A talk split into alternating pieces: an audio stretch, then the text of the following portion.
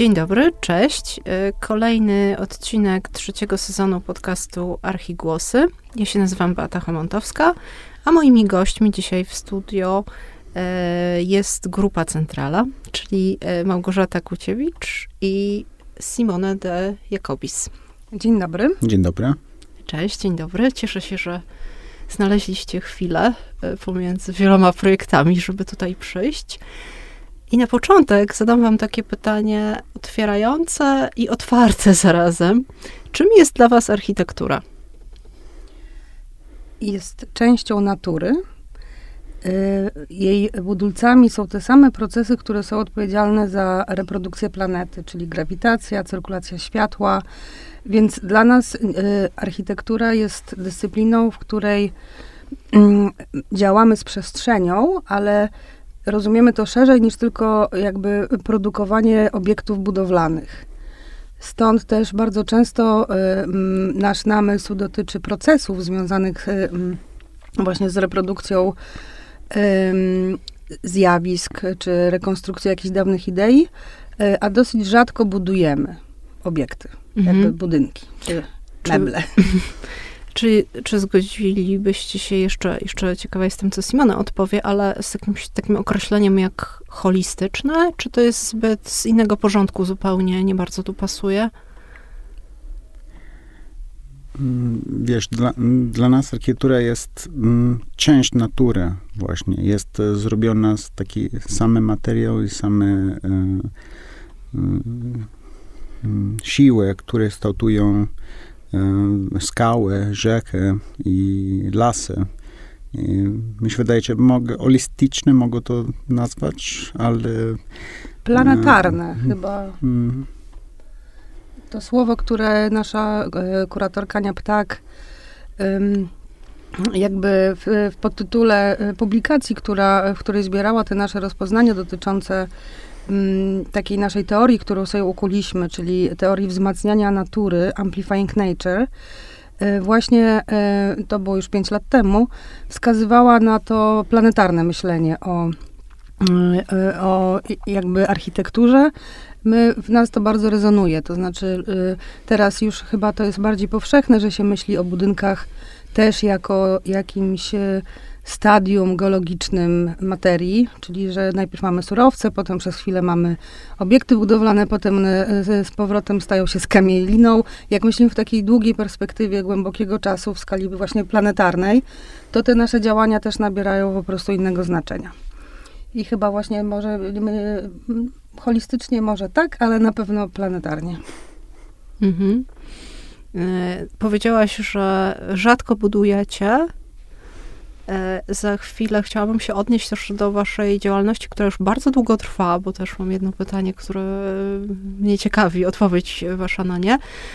A kiedy coś zaprojektowaliście takiego do, do mieszkania, czy y, ostatnio? Mamy za sobą taką y, praktykę tradycyjną. Na początku, jeszcze zanim Simone się do naszej grupy Centrala dołączył, ja działałam z Kubą Szczęsnym i Krzysiem Banaszewskim. Narysowaliśmy wiele konkursów na obiekty publiczne. Parę razy zdarzyło nam się być w finale, więc rzeczywiście y, debatować z miastem na temat, jak nasze muzeum czy nasza symfonia ma wyglądać. Dosyć dobrze czuliśmy się w takiej skali. Natomiast jednocześnie prowadziliśmy takie rozpoznania, może to nie były badania wtedy, ale widzieliśmy, jak dynamicznie się zmienia to miasto i że przy takim szybkim metabolizmie, że bardzo powstaje dużo nowych obiektów, zapominamy e, albo nie ma w ogóle czasu na refleksję i na myślenie, co tracimy. Straciliśmy wtedy na przykład wszystkie wybitne budynki modernizmu. Cała grupa, cała generacja wręcz architektów upominała się o to, żeby trochę zwolnić, żeby trochę się temu lepiej przyjrzeć, żeby może właśnie nie łączyć tego z jakimiś E, jakby historiami z przeszłości, no nie udało się. Więc e, my w pewnym momencie zrozumieliśmy, że właśnie to pole jest szersze, że nie tylko trzeba myśleć w takich kategoriach, że trzeba tworzyć KRAMS, dokumentacją projektową, żeby e, serwisować procesy inwestycyjne, ale że też w związku z tym, że pojawił się nowy klient, czyli trzeci sektor, czyli powstała cała warstwa kultury, że architekci też mogą pracować nie tylko dla biznesu, ale właśnie dla kultury. I od tamtej pory głównie działamy w ramach instytucji publicznych. Mhm. Albo pracujemy dla siebie. Tak, e, no, sami inicjujemy nasze projekty, mamy nasze, wiesz, e, e, badania, które nam interesują i według tej badania proponujemy właśnie kilka instytucji publicznych taki, taka soczewka na, na, na miasto, na rzeczy i badamy z taka, wiesz, sposób taki feedbackowy. Mm.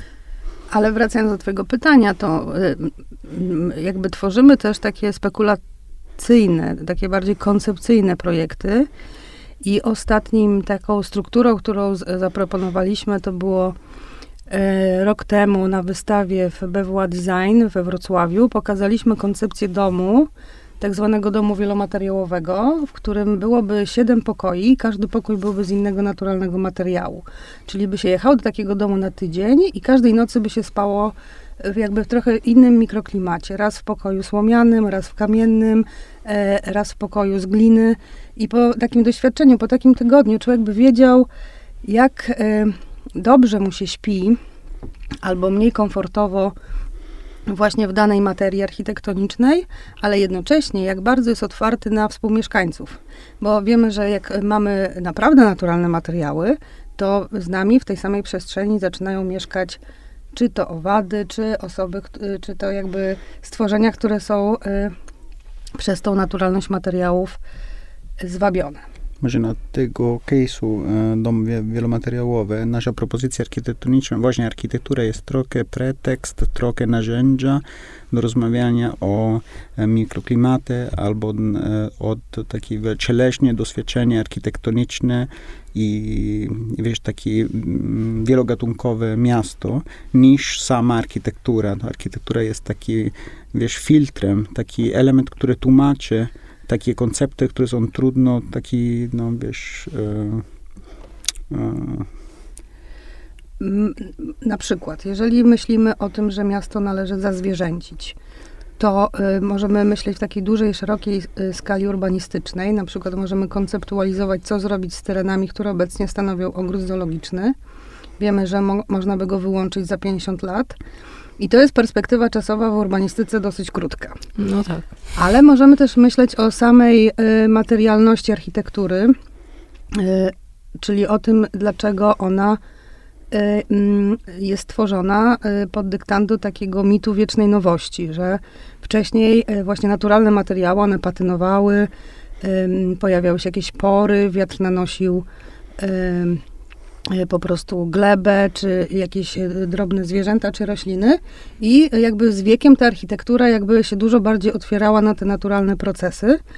My uwielbiamy y, takie podejście, y, pojęcie, które próbujemy spopularyzować, czyli pogodowanie. Czyli y, lubimy tak, takie obiekty, które, po których widać, jak na przykład spływa woda deszczowa. Jak, jak się pojawiają jakieś zacieki, jakieś Y, może nawet kamień się wypłukuje. Wtedy widać tą da dawność tych obiektów.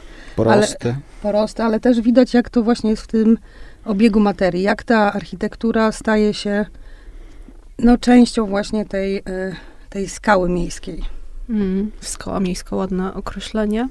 Ale ja chcę taki dom, który zmienia się, y, gdzie można przetestować różne warunki atmosferyczne, czy E, geologiczne nawet, czy materiałowe. I jakby ktoś powiedział, tak jak ja teraz, to zaprojektowalibyście coś takiego, czy, czy na komercyjne zlecenia raczej nie, tylko...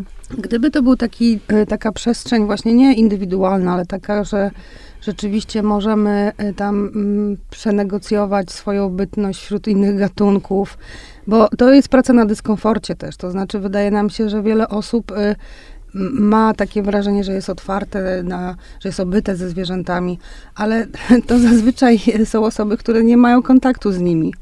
I no, ja sama też uważam, że pewnie chciałabym mieć dach, który się otwiera, chciałabym mieszkać między insektami, ale dopóki nie sprawdzę, jak to, jak to działa, to, e, to nie wiem, e, e, więc chętnie byśmy taką społeczną przestrzeń zaprojektowali, ale właśnie tak, żebyśmy wszyscy razem y, dzięki tej przestrzeni mogli dyskutować w naszych y, relacjach z przyrodą.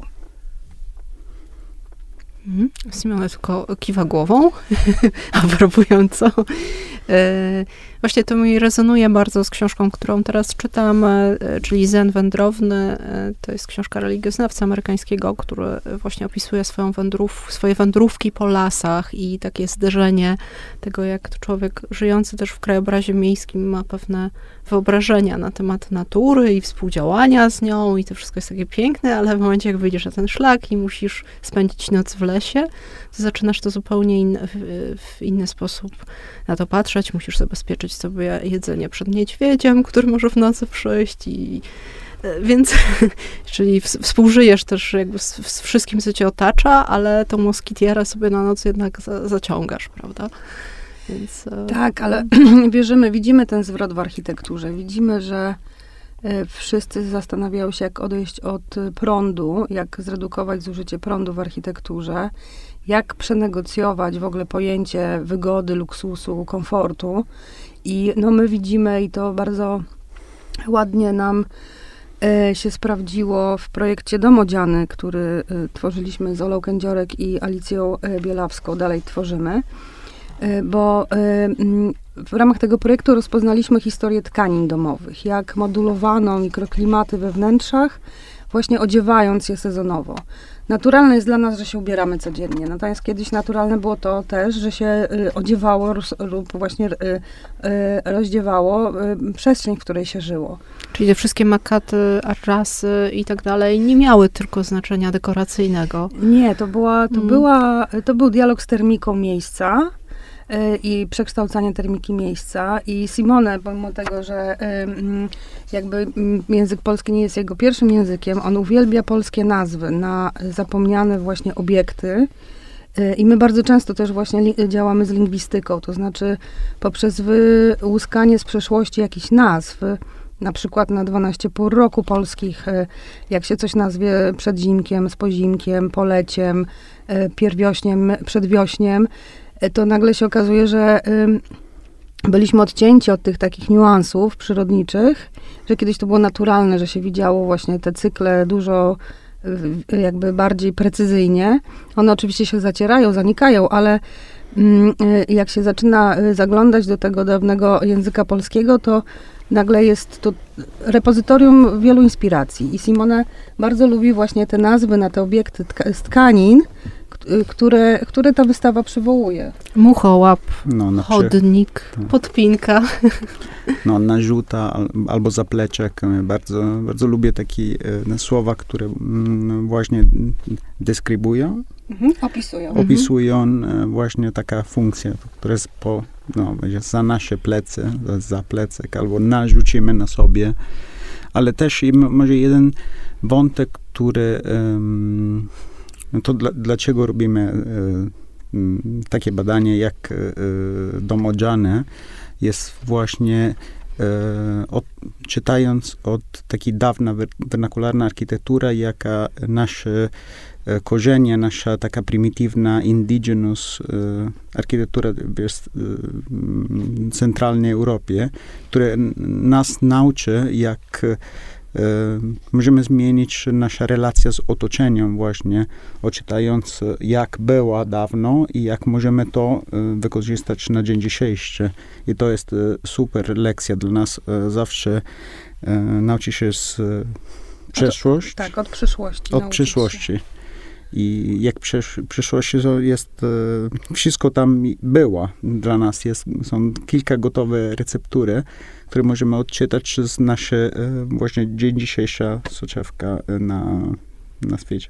Tak, było i odchodzimy od tego, czy odeszliśmy od tego gdzieś tam w pogoni za nowoczesnością, a później się okazuje, że to jest nadal aktualne.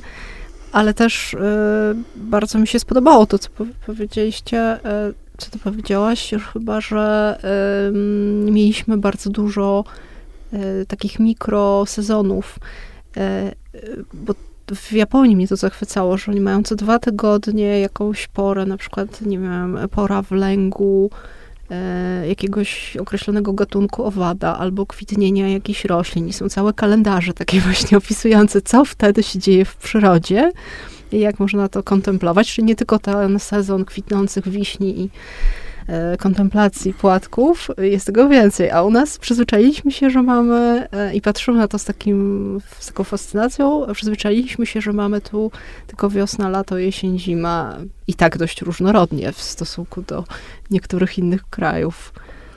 Tak, y, rzeczywiście te zjawiska przyrodnicze, przez to, że no, my mamy takie podejście, że przestrzeń architektoniczna powinna wzmacniać jakby te procesy naturalne, ale też pozwalać, żeby być wzmacniana tymi procesami. Dlatego to dobrze działa właśnie, jak mówimy o amplifikacji natury, bo to nie jest pojęcie, znaczy to jest zwrotne, to znaczy obie strony, trzeba myśleć o tym po partnersku.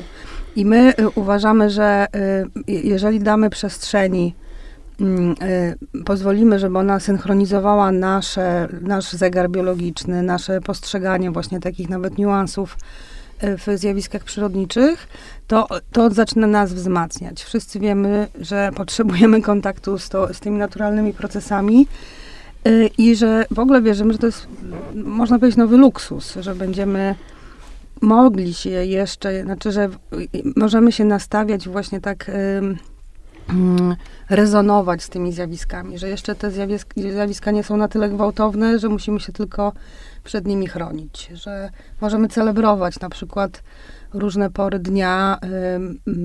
Bardzo nas fascynuje pora zmierzchowa, y, zmrok jako taki. Właśnie teraz nad tym głównie pracujemy, nad zjawiskami optycznymi w atmosferze. E, czyli staramy się pokazać, że, e, że musimy się cieszyć tym, że jednak wszyscy żyjemy w tym powietrznym oceanie, że mamy, że wszyscy żyjemy w wodzie w stanie lotnym i dzięki temu możemy obserwować e, no, takie największe w skali mm, zjawiska. Bardzo lubimy powiedzenie pana Jacka Damińskiego, że o skali architektury nie decyduje wielkość obiektu, tylko e, rozległość właśnie zjawisk, z którymi nas sprzęga. Mm. Czasami to wystarczy, że jest ławka y, na klifie i po prostu nagle otwiera przed nami no, ol, olbrzymie zależności w przestrzeni. Więc y, wierzymy, że właśnie takie, taki powrót do takiej uważności i takiemu uważnemu byciu w przyrodzie to jest, e, to jest właśnie nasz, na, nasza intuicja na przyszłość architektury. Czy mogę y, coś dodać na temat, co ty mówiłaś o takiej wrażliwości na y, bardzo delikatne zmiany na każdy sezon, albo, albo na bardzo delikatne zmiany na kolor y, mhm. nieba z śmiesku. To mi się wydaje jest interesujące ten fakt, że tak planetarny, wszyscy mamy taki teraz jesteśmy bardzo uwrażliwieni na tej tematy, na przykład dlatego wszystkie trochę patrzymy na pogoda, z taki stres, na taki anxiety, na co, co będzie.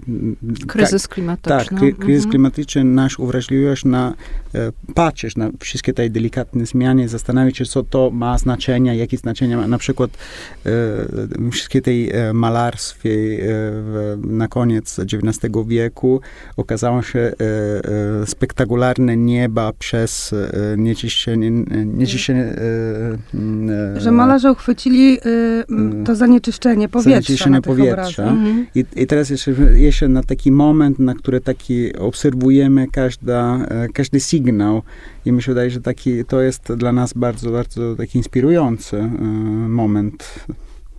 Mhm.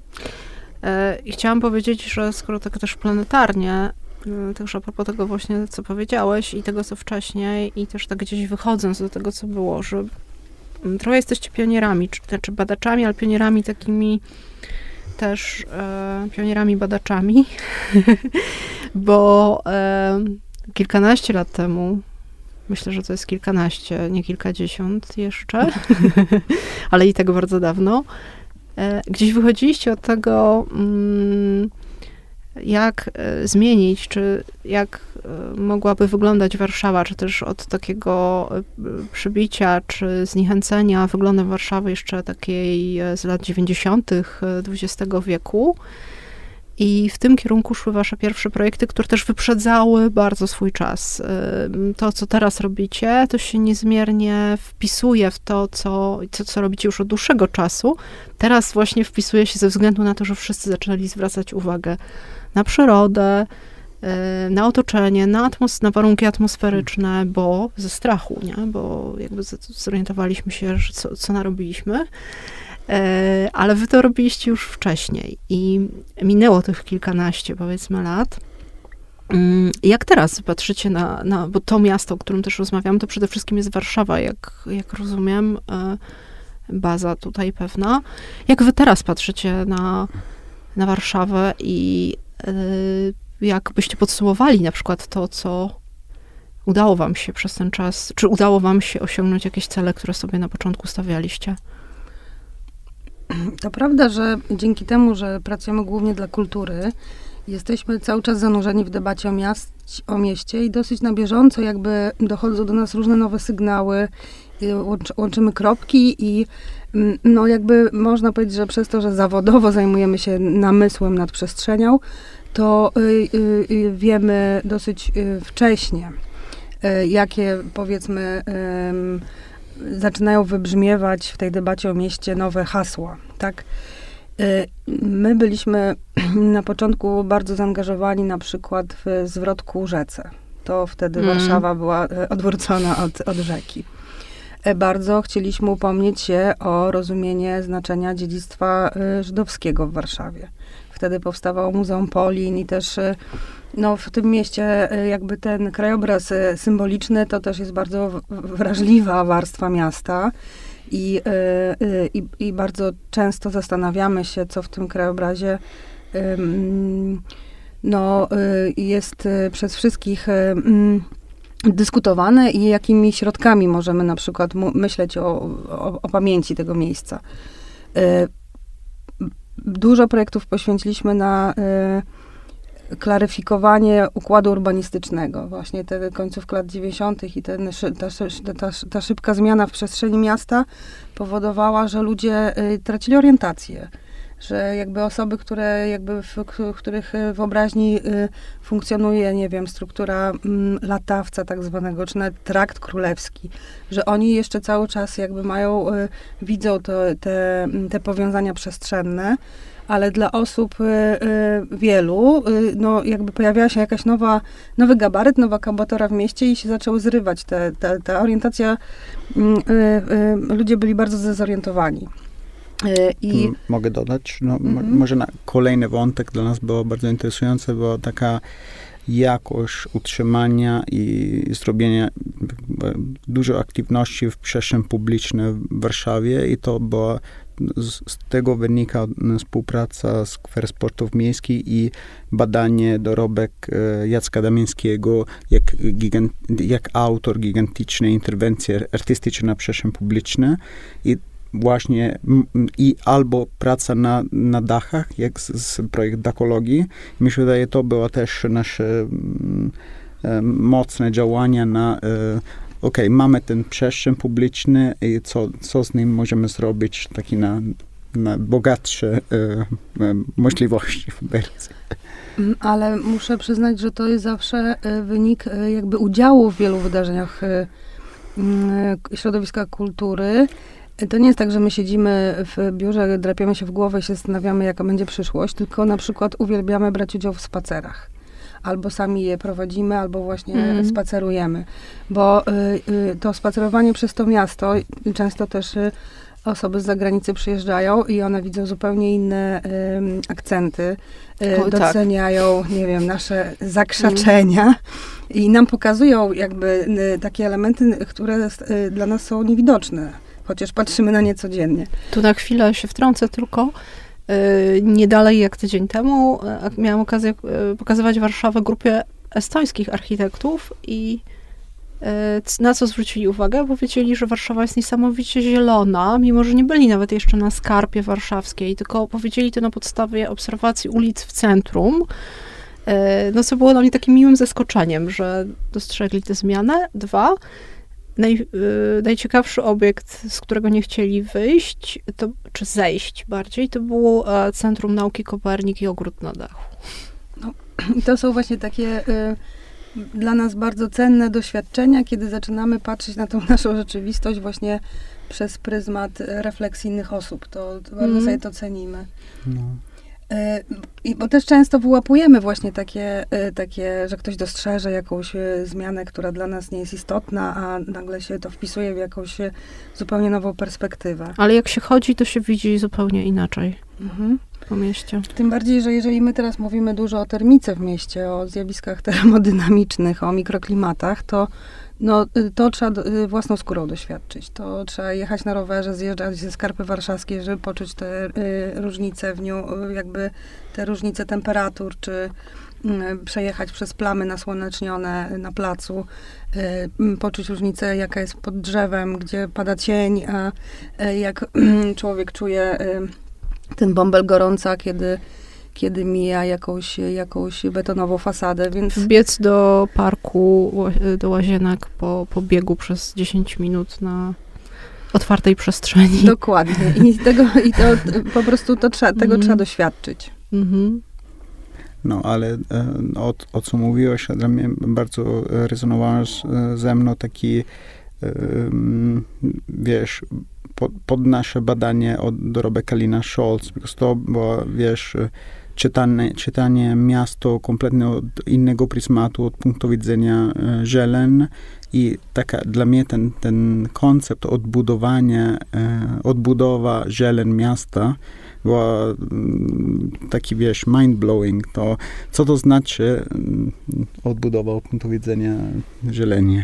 Powiedzmy, do czego Simone nawiązuje. To y, było jedno z ważniejszych dla nas doświadczeń. Parę lat temu mm, Simone w zasadzie rzucił pytanie, kto odbudował warszawską zieleń, bo rzeczywiście zajmowaliśmy się przestrzenią publiczną czy przestrzenią sąsiedzką na osiedlach.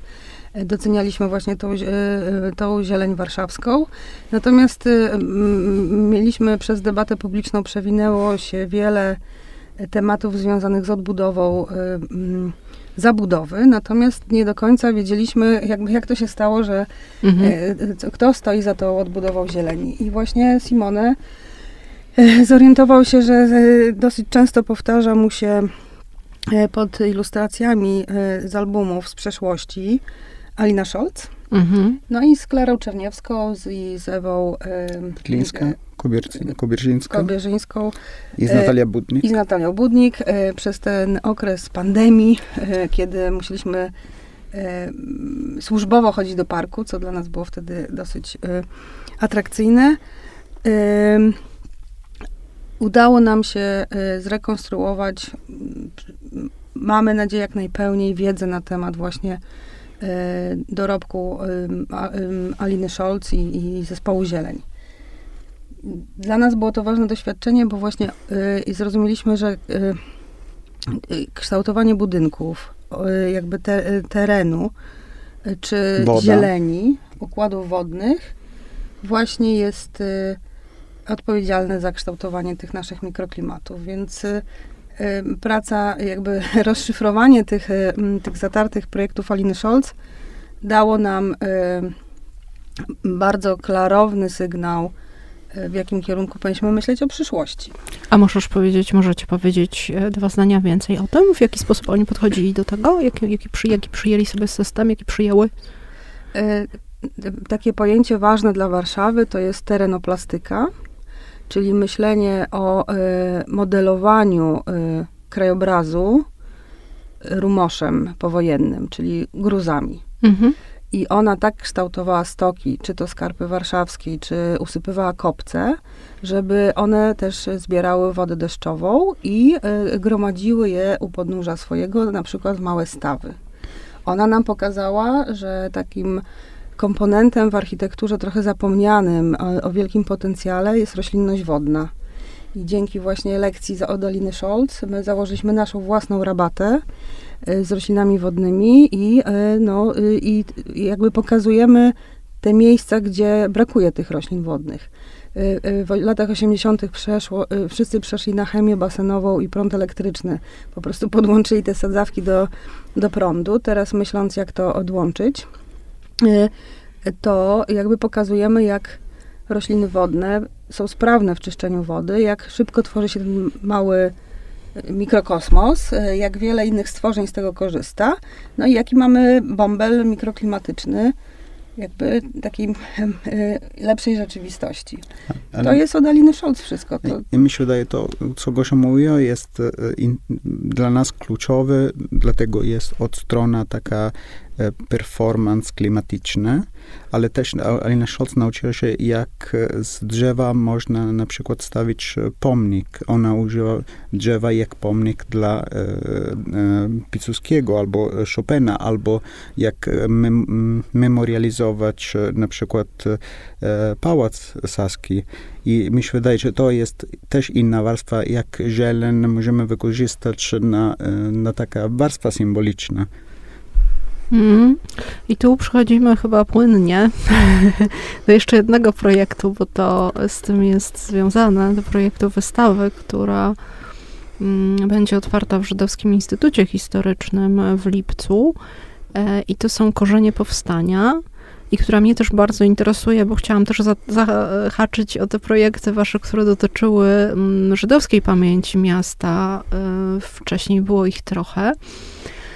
Ale zac zac zaczęłabym od tego, bo y, rośliny, które rosły, to, to mnie też straszliwie zafascynowało, kiedy dowiedziałam się, że w zespole Lacherta, jakoś analizując dokumenty Biura Odbudowy Stolicy, w zespole Bogdana Lacherta, który projektował Muranów po wojnie, był też profesor Roman Kobenca, który odpowiadał za całą szatę roślinną i dobór roślin, które rosły, rosły na gruzach, więc jestem niezmiernie ciekawa tego projektu i czy możecie trochę odsłonić rąbka tajemnicy i powiedzieć parę słów na ten temat.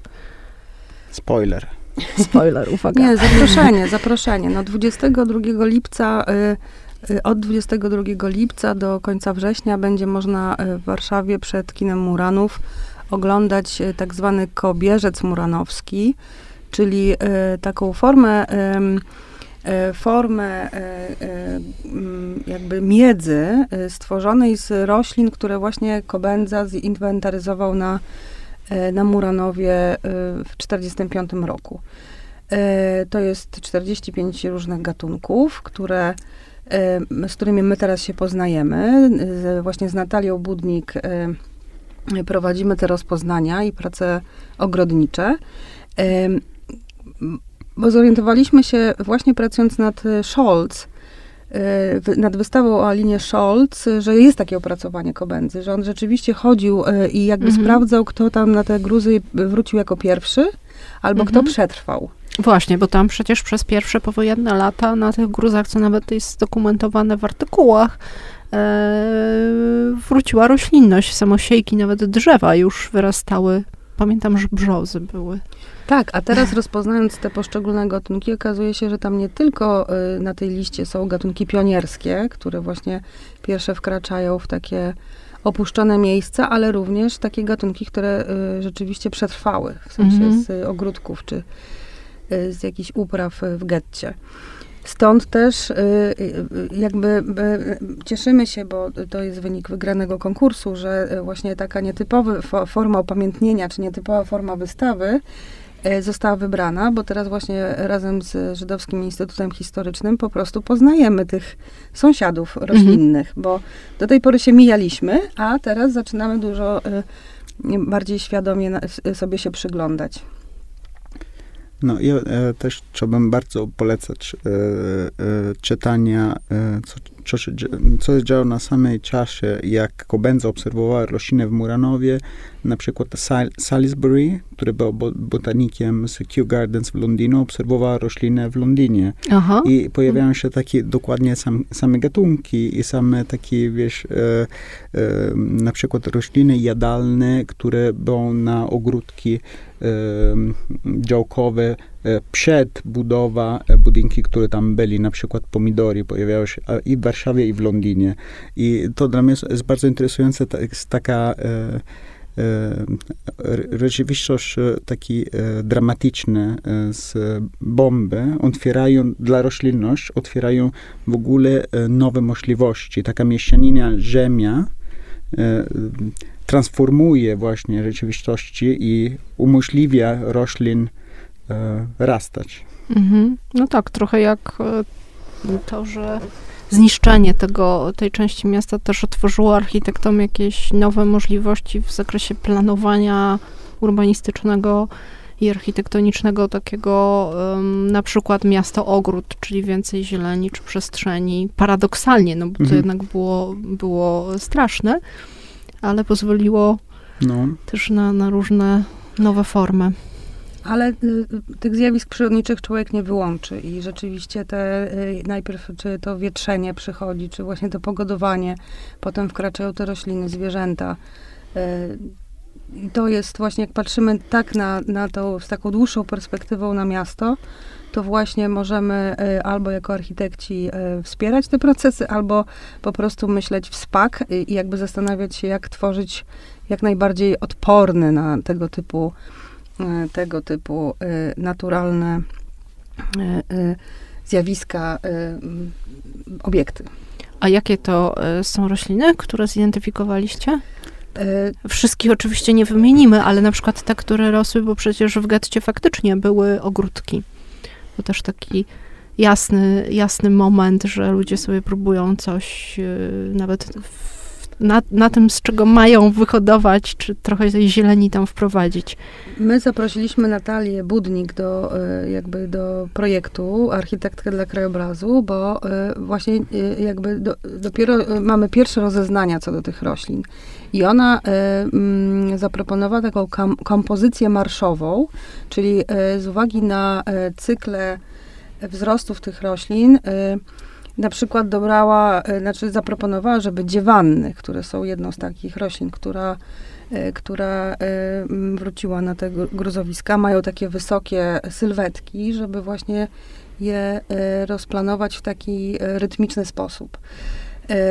Mamy też taki kwiatek, który nazywa się warszawianka, czyli to jest właśnie ten kwiatek właśnie wspominany jako ten, który widocznie jakby okwiecił te, te pagóry E, e, pagury. Mamy tymianek, czyli coś, co mhm. każdy z nas, w własnej kuchni, maki, mm, podbiał. Musimy podpytać Natalię. Mm-hmm, mm-hmm. Dużo tego pewnie jest. A czy one się powtarza- czy powtarzają się rośliny też z Londynu? Mm, teraz nie, nie byłem w stanie właśnie e, podkreślić, które dokładnie, ale wiesz, e, większość tej rośliny są e, jak nazywa się taki ruderalne, ruderalne, ruderalne. takie ruderalne, normalne nie są właśnie ocenione jako właśnie gatunki, są tylko takie kwasty i, i, i właśnie te kwasty są bardzo takie uniwersalne na. I, I, też to dlatego mówię o takiej podtwarzalność w Londynie i inne, inne miasta pod, postkatastroficzne w Europie. To, to, najbardziej takie odporne też rośliny, które mają niewielkie wymagania. No, właśnie rośliny takie do przetrwania. No właśnie. Tak, no my y, y, jakby mieliśmy wcześniej doświadczenie na Muranowie y, z projektem Cięcie na cięcie, dekat. Mhm, bardzo e. ciekawy projekt. Właśnie też chciałam do niego się odwołać, bo on teraz wraca. On wraca, bo kiedy otwierana jest tkanka miejska przez deweloperów, zupełnie nieintencjonalnie, tylko żeby coś wybudować tam i ostatnio była wielka dyskusja na ten temat, bo ukazało się to miasto podziemne. No, normalnie to wszyscy wiedzą, że ono tam jest, ale nie zdają sobie do końca sprawy, jak to wyglądało. To przypomniało mi się, jak wy otwarliście wycięliście świadomie, ziemia zaczęła mówić i ludzie zaczęli mówić. Tak, to było w 2015 roku. Yy, yy, razem z Ashley Kawaszoglu, artystką e, turecką, yy, przez kilka dni e, prowadziliśmy odkrywkę archeologiczną właśnie na tych pagórkach z gruzu. Bo Lachert napisał w jednym z um, opisów swojej koncepcji y, odnośnie osiedla pomnika, że to jest takie archiwum dla przyszłych pokoleń. Mm. Więc my doszliśmy do wniosku, że my do niego zajrzymy. Y, idea była taka, że otworzymy w ramach tego, co możemy w budżecie, jakby z archeologami sprawdzimy, co tam jest, po czym to odłożymy na miejsce. Archeolodzy nie pozwolili chyba siedmiu obiektów z powrotem do tego archiwum odłożyć, trafiły prosto do muzeum. E, ale dla nas właśnie bardzo ciekawym aspektem tego doświadczenia był fakt, że musieliśmy zaprosić dendrologa.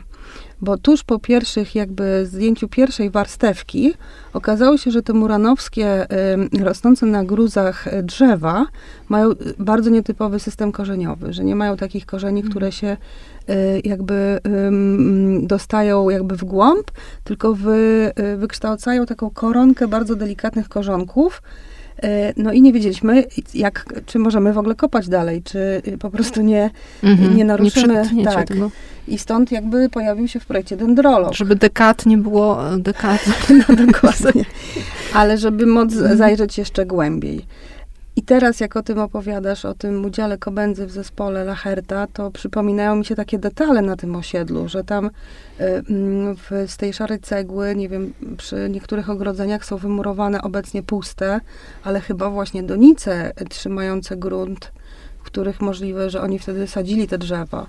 Bo, bo te, y, ten system korzeniowy, y, który się ukazał nam wtedy przy zdjęciu tej pierwszej warstwy, no właśnie sugerował, że te drzewa jakby bardzo się rozpełzają, dużo bardziej niż zwykle, ale właśnie bardzo tak powierzchniownie. Mhm. No, nie wiem, czy mam coś dodać Jeśli do chcesz. dekad. Mi się wydaje, że no jedna, może jeden element nasz mm, wiesz, tutor na ten projekt był e, Jurek Elżanowski, E, który e, bardzo nam pomagał wysyntetyzować nasz sposób myślenia tego projektu.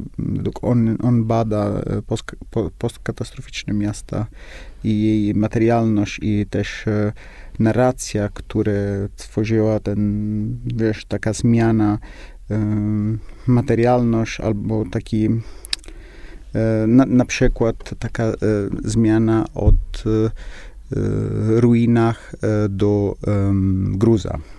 Ruina ma e, własność, ma wartość i gruzy jest tylko, wiesz, do śmietnika właśnie. I taka, taka zmiana językowa, która pojawiła się na czasy powojenne, na oporządkowanie Warszawa, on bardzo mm, mm, dla nas Mm, pomagał nas tak stworzyć kilka pytań, na przykład taki, e, e, kim jest właściciel tej, e, taka masa ruiny podziemnych w Muranowie.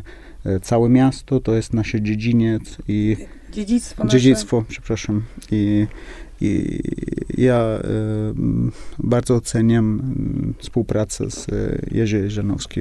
Tak. Ja myślę sobie, że ten projekt Lacherta, też przy tym, co mówicie, to wychodzi tu i wychodzi przy innych okazjach. E, jaki on był też nowatorski i na różnych polach, taki, także właśnie była to materia organiczna, on był ekologiczny z wykorzystaniem gruzu, prawda? On był wizjonerski, jeśli chodzi o to, co ty też wcześniej mówiłaś, e, tylko zapomniałam, e, było to bardzo ładne określenie, ale chodzi o taką rzeźbę terenu i plastyczność jego, bo to też... Terenoplastyka. Terenoplastyka właśnie, bo to gdzieś też inspirowane pracami Katarzyny Kobro i Strzemińskiego, z którym on się przyjaźnił. To, to ma rozmaite wymiary, które, czy właśnie ta roślinność, którą teraz odkrywamy, gdzieś bardzo, bardzo wybiegało w przód. E, mamy już e, mało czasu, ale jeszcze chciałam zagaić, zanim zadam ostatnie pytanie, o jeszcze jednym projekcie z innej e, trochę bajki, ale to trochę zataczamy koło, jak to słońce krążące po, po niebie, bo to jest projekt właśnie związany, planetarny. Możecie o nim powiedzieć dwa słowa też, nad którym pracujecie teraz? Tak, to miało premierę dosłownie kilka tygodni temu. Mm, nazywamy to sobie Celestial Architecture, ale chyba po polsku byłaby to architektura niebna, Czyli taka, e, taka przestrzeń, która e, pomaga nam dostrzec e, codzienne zjawiska, ale których jakoś nie, nie, nie dostrzegamy. Jak na przykład cień ziemi. To jest taki szary segment nieba, który wyłania się dokładnie naprzeciwko zachodu słońca. To jest taka magiczna chwila, kiedy widzimy, jak planeta nasza się obraca. Mhm. To jest dosłownie cień naszej planety na jej własnej atmosferze. Potem wstaje coś, co w starych opisach y, nazywano y, rumiany rąbek, czyli o, taka, taka delikatna różowa poświata. No i dla nas, jakby, jak zrozumieliśmy kilka miesięcy temu, że mamy na niebie takie zjawisko w skali y, podobnej do y, zachodu słońca, tylko nie dostrzegamy tego, bo się jakby patrzymy nie w tym kierunku, co trzeba, to zrozumieliśmy, że my jako y, projektanci możemy zaproponować takie miejsca, w których można by y, celebrować właśnie tego typu zjawiska, które, które możemy obserwować dzięki tej warstewce atmosfery wokół nas. Kolejne zjawisko, jakim będziemy się zajmować, to jest lunacja, czyli różne y, światła księżycowe, bo tu nie, nie, mamy tylko jednego. To mm. na mhm. przykład dla chronobiologii zwierząt jest bardzo ważne. Y, wydaje nam się, że będzie też y, często gorąco u nas, więc zaczniemy być trochę bardziej nocnymi zwierzętami, więc może te subtelności w oświetleniu będą miały znaczenie. No jest jeszcze światło zodiakalne, przeciwblask, dużo właśnie takich zjawisk na tej parze wodnej wokół nas, których wcześniej nie dostrzegaliśmy, a właśnie może nam to pomóc jakby doceniać. Będziemy tak mówić też o wpływie cykliczność, czyli to wszystko, co mhm. staramy się y, właśnie y, pokazać, że przestrzeń architektoniczna może nas sprzężać y, z tymi procesami naturalnymi. No tak, temu wszystkie organizmy żywe podlegają i to jak obserwujemy księżyc. Mm. A to w takim razie jeszcze na koniec pytanie, które zadawałam, ale i zaczęliście o tym mówić, ale chyba nie do końca Y, a może nie chcieliście odpowiedzieć, albo gdzieś to umknęło, e, czy po tych kilkunastu latach te zmiany, które zaszły, teraz jak patrzycie się na Warszawę, e, macie poczucie, jak, jak to odbieracie? Macie poczucie satysfakcji, że coś zmieniliście, że właśnie to podąża za wami miasto? Tak, tak, mamy, bo y, po pierwsze już y, mamy jakby obecność rzeki w mieście jest oczywista. Teraz my się staramy z przyrodnikami upominać o tereny mokre, mokre, czyli nie chcemy sprowadzać y, Wisły do linii na mapie, tylko chcemy pokazać, że y, y, są różne tereny wilgotne, które przynależą się rzece, że chcemy żyć właśnie w rytmie jej jakby wezbrań czy zniżek. Mamy przecież teraz projekty, które oparte są właśnie o, o, na tych pomysłach krystalizowania siatki urbanistycznej. U nas to się nazywa Uśmiech Warszawy. W tych projektach miasta nazywa się to Centrum, Centrum Warszawy. Dużą większą świadomość mamy na temat dziedzictwa. Jakby, jakby już wszyscy doceniliśmy ten tracony modernizm. Teraz przy każdym obiekcie jednak ta debata jest y, dużo bardziej y, żwawa i niektóre obiekty udało się uratować, niektóre się udało przenieść w inne miejsce, y, inne udało się zinwentaryzować, zanim je straciliśmy, więc tutaj też ta debata jakby jest w, w, zupełnie innym miejscu. No, a myślę, że ten temat Y, około przyrodniczy, y, y, jakby wszyscy przez, te, przez to, co się dzieje z biografią planety, wszyscy widzą, że, że to jest temat, który wymaga namysłu, uwagi i, i jakby działania. Ja bez narzekania, na, narzekać na, na rzeczy, chciałbym tylko, mi się daje podkreślić, że my jesteśmy bardzo zadowoleni z takiej, wiesz, wyniki, nasza działalność, i jak e, Warszawa, społeczność warszawska jest bardzo wrażliwa na wszystkie te elementy, na zieleń, na rzeka, na, e, na elementy e, zjawisk naturalne, ale widzę też ten, to jest moment narzekania, ten kontrast między wrażliwość społeczność warszawskiej i um, prywatyzowania przestrzeni miejskiej i to mi się wydaje w tego momentu e, nasze no, um, polityców polityczni oddają mm, miasta do dewelopera, to mamy, mamy bardzo mała agencja na takie zmiany, które są dosyć szybki i dosyć mocny. I to trzeba, mi się wydaje, balansować te inwestycje między publiczną i prywatność. Mm, tak, to jest y, kolejny ogromny temat. Ja wam życzę, y, żeby wam starczyło siły y, na wszystkie projekty, bo pomysłów wam nie brakuje na realizację tych wszystkich projektów, bo sądzę, że będziecie rozchwytywani w kolejnych latach y, i mam nadzieję przez rozmaite instytucje publiczne i organizacje społeczne w, do współpracy. Moimi gośćmi byli dzisiaj Małgorzata Gucewicz i Simone de Jacobis z grupy Centrala. E, architekci, czy też, którzy mm, właściwie nie projektują, ale zmieniają nasze postrzeganie architektury, sposób w jaki na nią patrzymy. A ja się nazywam Beata Chomantowska i to był podcast y, Archigłosy. Bardzo wam dziękuję za dziękuję. obecność. Dziękuję bardzo. Dzięki.